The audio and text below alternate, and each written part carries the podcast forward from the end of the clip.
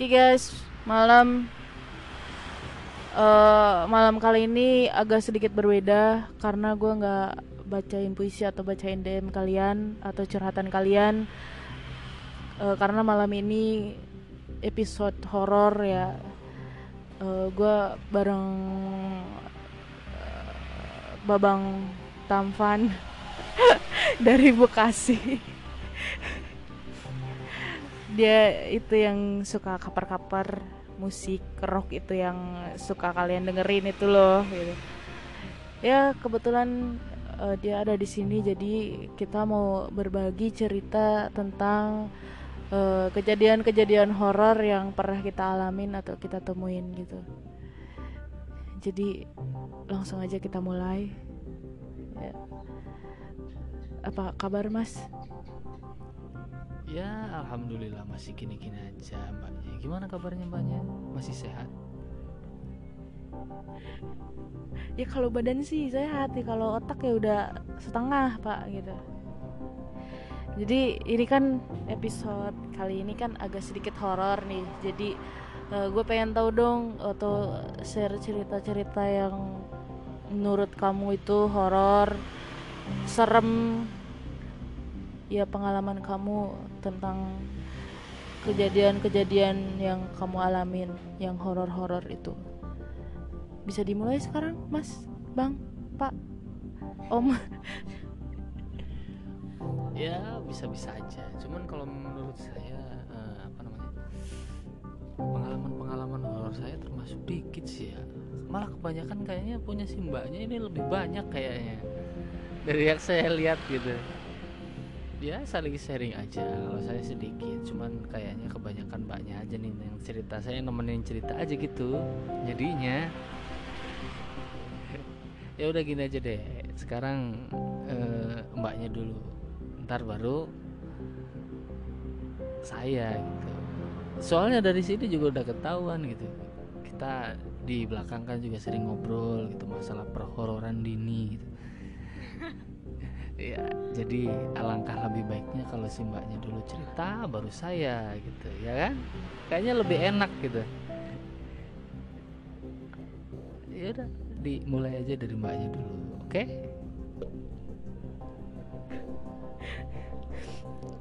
ya kok jadi gue duluan pak? Ya kalau gue sih pengalaman horor banyak banget sampai nggak tahu gue mau nyeritainnya yang mana. Tapi ya mungkin yang baru-baru ini aja ya. Yang baru-baru ini aja. Ini kita cerita horor pak. Nggak usah ketawa-tawa loh.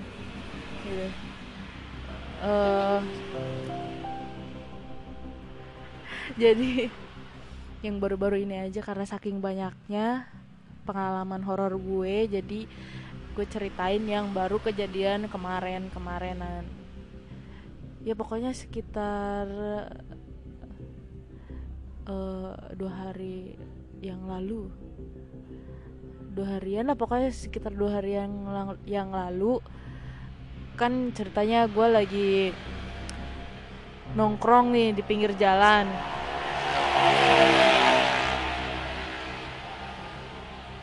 Uh, mohon maaf ya banyak suara motor karena emang kita lagi di pinggir jalan juga gitu Oke, jadi gue ceritanya kemarin tuh dua hari yang lalu nongkrong di pinggir jalan kan, di warung. Iyalah kalau di tengah jalan ke geleng gue, pinggir jalan gitu, di warung. Gue lagi duduk tuh di depan warungnya, itu warungnya kan 24 jam kan. Gue sekitar jam setengah dua malam. Setengah dua malam mau pokoknya sekitar setengah duaan lah. Gue lagi ngopi kan santuy kan sambil ngebul gitu. Eh tiba-tiba gitu. Gue kan madep ke depan nih. Gue ngadep duduknya nggak madep ke depan. Terus tiba-tiba sebelah kiri gue kayak ada yang lalu lalang gitu kayak orang mau nyebrang balik lagi nyebrang balik lagi nyebrang. Jadi di pinggir gue tuh jalan raya gede gitu. Terus kalau misalkan lo ngadep ke depan dan di kiri lo ada sesuatu pasti lo kelihatan kan meskipun kayak sekelebatan gitu. Pasti lo kelihatan gitu. Nah itu gue lagi madep ke depan terus gue kelihatan tuh. Sebelah kiri gue tuh ada yang lalu lalang gitu lewat. Maju mundur maju mundur kayak nyebrang jalan balik lagi gitu. Nih orang ngapain kan gue gue mikirnya itu orang ngapain bolak balik gitu. Eh pas dilihat gue tengok ke kiri eh nggak ada dong nggak ada siapa siapa hening. Gitu. Terus gue biasa lagi. Eh udah biasa lagi. Dia nongol lagi tuh. Kayak lagi ngajak main sama gue gitu main-mainin gue. Terus habis gitu ya udah pas uh, dia lagi nyebrang gue sengaja lirik kan ke kiri set kayak gitu. Eh bener pak. bener pak ini. Itu tuh kayak kayak bocah bukan bocah mungkin gue nggak tahu itu bocah apa tua tapi uh, tingginya tuh kayak sekitaran 50 sentian lah gitu. Jadi pendek banget enggak tinggi juga enggak jadi uh, sedang lah gitu tapi agak pendek lah gitu. Itu tuh bentukannya kayak gitu terus uh, apa rambutnya tuh kayak anak-anak gimbal anak-anak reggae gitu loh. Rambutnya tuh gimbal. Rambutnya tuh gimbal. Terus dia nyebrang nyebrang sambil gibas-gibasin rambutnya yang gimbal itu tuh kayak kayak lagi ceria banget tuh si makhluknya gitu. Jadi nggak serem ya?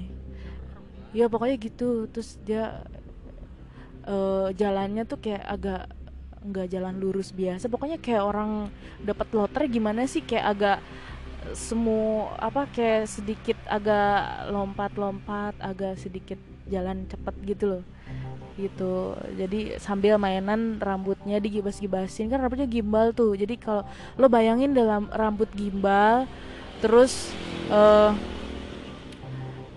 dimain-mainin kan rambutnya ke mana-mana tuh gitu. Nah mukanya abstrak sih gue nggak terlalu jelas liatnya. Jadi gitu sih itu gue langsung merinding. Dan seketika dengkul gue lemes tapi gue masih pura-pura oke okay, so iye gitu. Karena ada orang juga gitu yang ngeliatin gengsi dong gue harus ketakutan gitu kan. Akhirnya gue memberanikan diri untuk menguatkan badan ini supaya kokoh tegap berdiri biar enggak lemes gitu berdengkul gue gitu. Akhirnya udah gue cabut pulang. Dan itu tuh sebenarnya entah makhluk apa tapi bentukannya kayak orang tapi mukanya nggak kelihatan abstrak entah itu bocah entah apa pokoknya rambutnya gimbal dan kayak gitu kayak kotor gitulah. Gitu deh pokoknya serem banget deh kalau lu ngeliat tapi kalau diceritain lagi jadinya nggak serem gitu. Ya pokoknya gitu deh.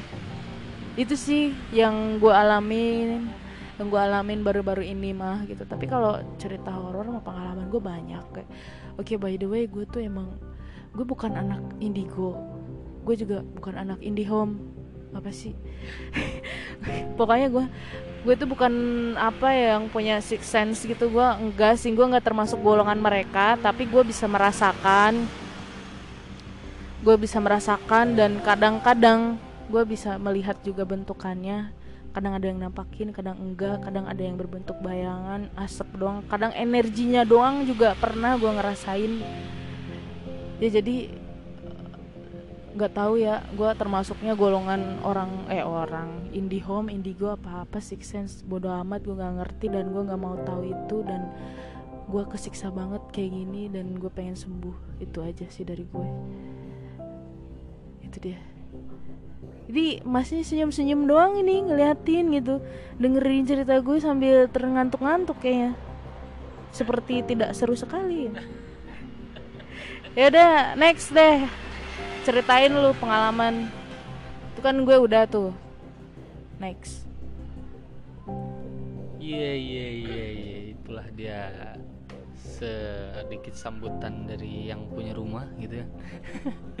Yang punya podcast Sohibul Hajat eh Sohibul Bait. Ya itulah. Ya karena pengalaman dia kalau menurut saya itu lebih banyak dari punya saya gitu. Makanya saya suruh dia ceritain duluan biar seram gitu. Ya kalau pengalaman saya pribadi gitu ya. Kalau apa namanya hmm, di bagian perhororan gitu. Dikit banget sih dikit banget gitu. Cuman ya kalau yang paling serem kalau yang paling serem menurut saya seumur hidup itu cuma sekali doang. Apaan tuh? Nah itu dia. Kalau saya di kota-kota besar kalau udah di kota begini modelnya gitu termasuk dikit sih. Cuman kalau yang di rumah kalau di bagian di rumah di kampung gitu udah nggak itu seremnya nggak main-main lagi gitu dan di antara yang serem itu ada yang paling serem. Dan yang paling serem itu adalah ketika saya sekitar umur berapa dulu? Masih sekolah waktu itu masih sekolah masih SMK ngomongnya agak kenceng mas. Ya udah kencang sekali ini menurut saya. Sekitar sekitar SMK gitu. Kalau menurut orang-orang di tempat saya gitu saya itu termasuk orang yang paling pemberani. Kenapa di saat orang-orang lain malam-malam jalan-jalan minta ditemenin saya ke mana-mana itu selalu sendirian. Karena menurut saya itu ya udah namanya sama-sama hidup di apa namanya di dua alam gitu kan ya udah saling masing-masing aja gitu. Cuman pas kebetulan mungkin dia yang apes atau saya yang apes gitu pas saya lagi jalan di tempat saya itu terus terang aja banyak modelnya kuburan dan kuburan-kuburan di tempat apa namanya di tempat saya itu bukan kayak kuburan di kota pak modelnya. Bener-bener itu kalau kuburan itu benar-benar tidak terawat gitu loh. Pohon-pohon gede itu masih hmm jangan ditanya dah, dah pokoknya. Jadi pohonnya belum ditebang-tebangin masih pada berakar? Bukan belum ditebangin nggak ada yang berani nebang masalahnya pak. Kalau di kuburan begitu dan itu bukan punya orang gitu. Kalau punya orang mungkin bisa ditebang nah langsung aja ke ceritanya. Ceritanya itu bukan malam Jumat bukan malam Minggu gitu loh. Cakep gitu dong. Eh. Jadi bukan malam Jumat bukan malam Minggu. Malam biasa aja gitu. Entah malam apa pokoknya bukan malam Jumat aja. Saya posisinya itu lagi gabut segabut gabutnya gitu loh. Di rumah nggak ada apa-apaan. Waktu itu belum model gadget kayak gini ada gadget pun tidak ada sinyal gitu kan jadi saya kebiasaan kalau malam itu jalan-jalan ronda gitu. Jalan-jalan ronda. Maksudnya bukan ngerondain maling juga karena jalan-jalan pengen jalan-jalan doang. Dari rumah ke tempat tongkrongan itu sekitar jalan ya sekitar 15 menit lah. 15 menit itu jalan. Nah posisinya saya lagi jalan santuy sambil udut gitu kan. Saya tengok kanan kiri kanan kiri belum juga ada berapa menit dari rumah itu kan ibaratnya udah nyampe kuburan. Nah karena kebiasaan saya lewat situ dan udah pasti lewat situ gitu loh. Ya saya biasa aja santuy jalan gitu. Cuman pas waktu itu nah pas waktu si masnya merinding dong guys pas waktu itu saya jalan, jalan-jalan biasa gitu. Nggak biasa-biasanya seumur hidup saya itu nggak biasanya di kuburan itu emang kalau pengalaman orang biasanya mencium bau wangi-wangian gitu. Cuman entah kenapa hidung saya itu biasa aja gitu.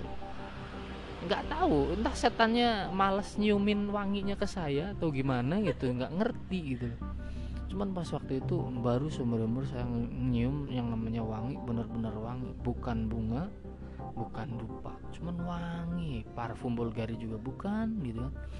Cuman wanginya aneh gitu. Kayaknya nggak ada deh nggak dijual di toko-toko parfum nah kayak gitu modelnya. Mencium seleber itu kok wangi ya?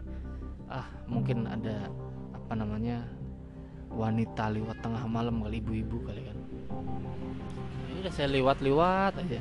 Tapi kok wanginya nggak hilang-hilang? Ini seolah-olah ada di pinggir saya gitu loh posisinya. Kok nggak hilang-hilang ya? Ya udahlah saya jalan aja sambil udut. Tapi wangi udut yang saya cium itu tidak tercium baunya sama sekali. Malah ketutup sama wanginya gitu loh. Uh ini apa ya kata gue akhirnya ya udah jalan. Nah setelah di tengah-tengah kuburan pas di depan pintunya itu saya nengok kan biasa kalau tempat kuburan saya pasti assalamualaikum karena saya muslim gitu kan assalamualaikum ya ahli kubur gitu loh. Nah pas waktu itu dan pas waktu itu bener-bener saya denger sekonyong-konyong kuping gitu loh. Sekonyong-konyong kuping ada yang jawabin waalaikumsalam. Jelas sekali. Jelas bener-bener jelas. Waalaikumsalam. Wah saya itu namanya bulu dari ujung jempol sampai ujung rambut itu rasanya bener-bener kayak kesetrum crot dengkul dengkul lemas. Dengkul itu gimana rasanya ya? Peletuk peletuk kayak bener-bener lemes itu. Ih ada orang kali apa gimana? Saya tengok kanan gak ada saya tengok kiri. Ih ada bayangan apaan tuh? Kata saya itu bayangannya bener-bener apa? Putih cuman putih lusuh gitu loh. Cuman bukan copong bukan kunti cuman putih gitu. Keringet dingin itu dari ujung aduh ibaratnya. Mau mohon maaf nih ujung bool kayaknya itu. Itu udah bener-bener mancur gitu. Udahlah ya karena di kampung saya masih apa namanya religius dan juga seram gitu ya. Saya baca-baca dikit-dikit itu. Saya baca dikit-dikit saya tengok lagi. Itu biasanya kalau ditengok kan hilang ditengok kan ini ditengok nggak hilang-hilang. Sekarang saya jadi ini apa? Ini sakti sekali. Kok saya baca-baca ini tidak hilang-hilang? Akhirnya saya beraniin deketin deketin deketin. Hmm bener-bener itu pak. Dilihat dari belakang itu rambut. Saya benar-benar lihat rambut rambut yang benar-benar rambut gitu kan. Dan bajunya benar-benar baju itu. Yang kalau kata orang namanya sundel bolong. kok gue jadi merinding kalau orang yang bener bilang itu sundel bolong kayaknya si itu gitu loh. Ya karena kalau di film-film gitu kan sundel bolong itu lubangnya dikit gitu ya. Ini benar-benar sepunggung dari pundak nyampe pantat. Itu benar-benar busuk cuman herannya yang saya cium yang saya itu cium itu wangi kalau misalnya orang punggungnya busuk itu kan biasanya baunya busuk gitu ya. Bau bangke gitu ya. Itu yang saya cium itu baunya wangi dan benar-benar wangi. Entah itu emang auranya kayak gitu entah itu apa. Itu benar-benar wangi gitu ya. Nah pas saya udah nyampe situ itu sekitar berapa meter ya? Hampir 3 meter lah itu cerita apa namanya? Jaraknya itu sekitar 3 meter gitu saya beraniin bilang assalamualaikum gitu. Assalamualaikum ya ahlul goib gitu. Akhirnya dia nengok celup hilang. Bener-bener hilang. Ih. hilangnya itu bener-bener nggak ada asap. Biasanya kalau apa namanya makhluk kayak gitu mau hilang kan ada asap dulu gitu. Itu bener-bener nengok set baru separuh muka sep itu bener-bener hilang. Nggak ada jejak nggak ada apa. Nah setelah hilang itu baru kecium agak-agak amis bau-bau busuk baru kecium dikit-dikit itu. Hmm, udah saya nggak kuat gitu kan. Itu iya bener-bener bau amis amis busuk gitu. Setelah hilang baru kecium dia wanginya. Nah setelah itu saya lewat saya beraniin itu ngeliwatin pintu buat pergi dari situ. Itu rasanya lama ya minta ampun. Saya jalan cepet tapi rasanya kayak nggak jalan gitu loh. Ini apa? Aduh ya Allah dengkulnya ya ampun lemes. Iya saya rasanya itu udah sepenuh tenaga itu buat jalan dan rasanya saya itu cepet gitu loh tapi entah kenapa itu rasanya nggak lewat-lewat gitu loh. Dan semenjak itu tapi saya ngelihat itu sekali-kalinya di kuburan itu sekali-kalinya itu. Biasanya yang saya lihat itu biasanya cuman yang gelantongan di pohon saya tengok lagi hilang terus yang biasanya apa ya wowo yang katanya matanya doang. Terus saya lihat terus hilang. Kayak gitu doang. Dan yang namanya copong mohon maaf nih ya. Yang namanya yang namanya copong itu yang saya lihat itu nggak pernah saya lihat yang namanya full body. Yang saya lihat itu di pinggir nisan. Pinggir nisan itu kepalanya doang itu bisa muter kayak gini itu benar-benar nengok kayak dari depan nengok ke belakang. Itu dari dalam. Itu dari dalam di pinggir nisan gitu loh. Itu kan kata kata kata orang kalau copong kan ngambang ya. Yang saya lihat itu benar-benar dari kuburan nengok set ke belakang terus hilang. Nah pengalaman yang copong kayak gitu tuh hampir setiap orang yang di desa saya itu hampir setiap gitu loh. Itu itu biasa gitu loh menangin yang kayak gitu. Nah itu yang menurut saya nggak terlalu serem gitu dan kalau ada yang pernah lihat copong full body saya pengen tahu makanya. Karena saya yang saya lihat itu pasti kepalanya doang kalau di kampung saya. skip di skip Oh, oh. Iya, iya. Karena yang punya rumah itu takut sama copong, Pak. Nah, itu pengalaman yang paling paling serem saya lihat itu melihat hantu sekitar 3 meter, benar-benar 3 meter dari dari mata saya gitu loh. Yang lain-lain paling ya jauh gitu loh, jauh. Kayak dari ya 10 meter, 20 meter itu kalau di kuburan saya, di kuburan saya, di kuburan teman saya itu biasa gitu loh karena jarak dari pintu ke tengah kuburan juga agak jauh gitu loh dan itu biasa yang namanya kalau yang kata orang banaspati banaspati itu sering sekali cuman saya yang, lihat itu sekelebat atau pagi-paginya saya ngeliat pohon kebakar itu sering sekali. Pohon jadi pohon jadi bekas kebakar. Bekas kebakar banaspati itu sering.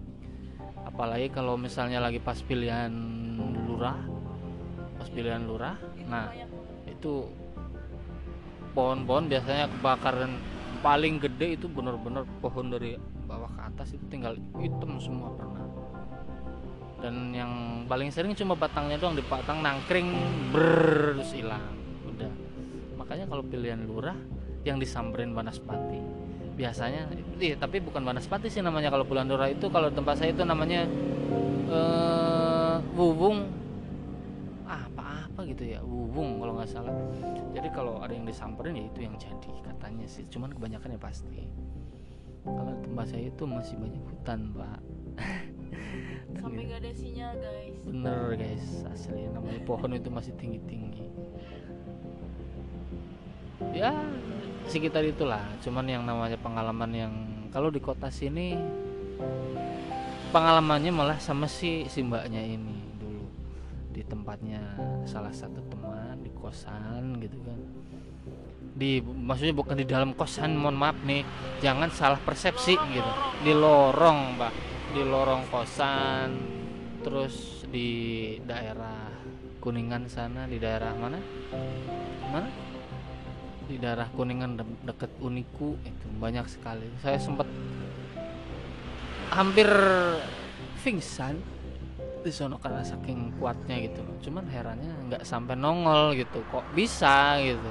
Enggak, cuman itu ka- kayak energinya doang sih yang gede energinya doang aja udah bikin saya mental pak. Apalagi kalau sampai nongol mungkin saya bisa salto salto ke belakang gitu.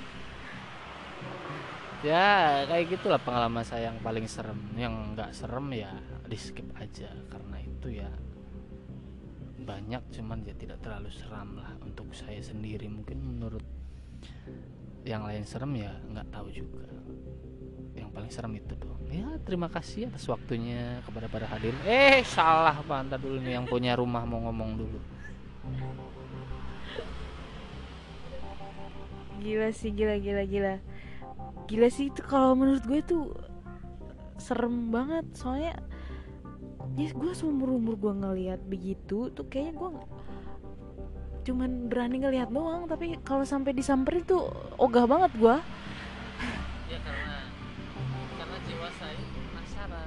karena jiwa saya itu penasaran gitu loh pengen lihat itu seperti apa sih sebenarnya gitu. Pengen lihat mukanya kayak apaan gitu. Itu orang apa bukan apa apa gitu loh. Cuma dari belakang aja bentuknya udah nggak jelas gitu apalagi depannya ih. Udah pasti tidak bisa terdefinisikan itu. Soalnya ya dia tuh orangnya penasaran guys. Jadi apa-apa tuh yang menurut kita kita menyeramkan itu malah makin penasaran gitu makin pengen tahu gitu. Gila emang orangnya tuh. Gue aja se seumur umur gue ngeliat gitu kayaknya gue belum belum ada keberanian atau belum ada keinginan buat kenalan atau nyamperin. Ih amit amit ogah jangan sampai coy amit amit amit amit gue ngeliat dari kejauhan jadi dia jarak 3 meter ya. Gue kayak misalkan jarak ada kali 7 meter 10 meter gitu udah aduh tolong ya. Kalau ada kamera gue lambaikan tangan gitu cuman nggak ada ya udah. Dasar keberanian saya itu itu gitu loh. Karena saya udah pernah ngeliat yang sedekat itu gitu loh. Dan pengen lihat yang lain itu bentuknya kayak apaan gitu sebenarnya. Cuman mbak ini yang bisa ngelihat nggak mau pernah mau nyeritain gitu loh. apalagi sama copong ya takut banget dia nggak nggak usah. Tolong ya. Di daftar hantu itu nggak ada copong ya. Gue pengen ngilangin copong itu. Aduh nggak gue paling serem. Tapi pernah sih gue ngelihat copong tapi next gue ceritain lagi. Tapi gila sih tadi serem banget. Sampai disamperin gitu gue mah ogah dah gue mending cabut dah. Itu juga kayaknya lu lari juga berasa lama. Mungkin dengkul lu hilang tiba-tiba kan. Ya kalau menurut gue ya lebih serem dia sih. Kalau gue kan cuman nggak nggak seserem itu. Maksudnya kayak cuman ngeliat ngeliat udah nengok nengok udah gitu. Itu benar-benar gila sih. Yaudah next. Kita bakalan cerita horor lagi. Next episode. Ya buat uh, pesannya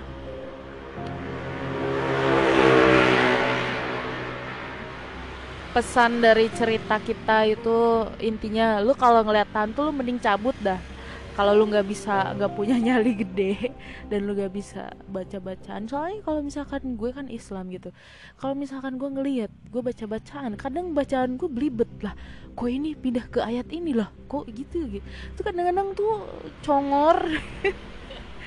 Mulut kita nih mulut kita baca bacaan aja udah grogi udah sasah duluan gitu kadang gitu itu jadi mending kalau lu nggak punya nyali gede-gede banget lu mending cabut deh balik ke rumah udah selimutan masuk kamar dah. Dan pesan saya kalau apa namanya iya benar kalau kata si mbaknya ini kalau emang nggak punya nyali gede dan belum punya dasar apa namanya ya kayak ibaratnya mohon maaf nih jarang ngaji gitu loh bukan jarang ngaji maksudnya nggak bisa baca bacaan yang doa khusus yang buat kayak gituan gitu loh. Ya jangan berani-berani. Kenapa? Karena kalau sampai kita apa namanya mentalnya udah drop duluan udah drop duluan gitu loh. Itu baru dia baru nengok itu misalnya dia baru nengok aja itu auranya udah. Karena yang saya rasa gitu yang pernah saya rasain setan itu auranya itu besar di depan besar di depan.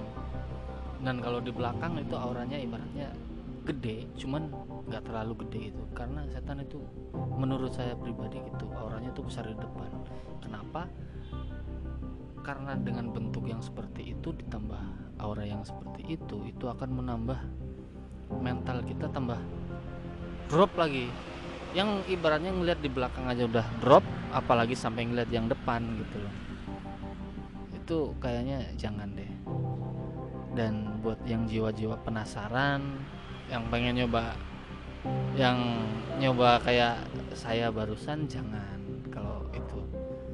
Karena terlalu beresiko karena kalau misalnya nyampe nggak kuat situ bakal down drop dan ada yang nyampe teman saya itu ada nyampe begitu ngeliat itu benar-benar sakit tujuh hari tujuh malam bahkan lebih. Dan itu ibaratnya di rumah sakit udah nggak ibaratnya benar-benar non medis iya non medis hmm, di dalam tubuhnya udah di rongsen udah di apa gitu nggak ada apa-apa gitu. Tapi badannya benar-benar dia lemas dia be nah dia bengong pandangannya kosong udah nggak bisa ngapa-ngapain. Jangan sampai jangan sampai jiwa penasaran Anda malah mencelakakan Anda sendiri. Anda harus benar-benar siap. Kalau siap benar-benar siap. Kalau enggak ya jangan kayak gitu aja. Jangan sampai. Dah pesan saya itu aja. Terima kasih. Ya itulah pesan dari kita eh, yang baiknya diambil yang enggak baiknya ya jangan ditiru lah ini adegan berbahaya. Ya oke. Thank you guys yang udah dengerin. Next kita bikin eh, episode horor lagi yang lebih serem ya. Pengalaman horornya soalnya banyak gitu. Kita bikin episode selanjutnya lagi gitu.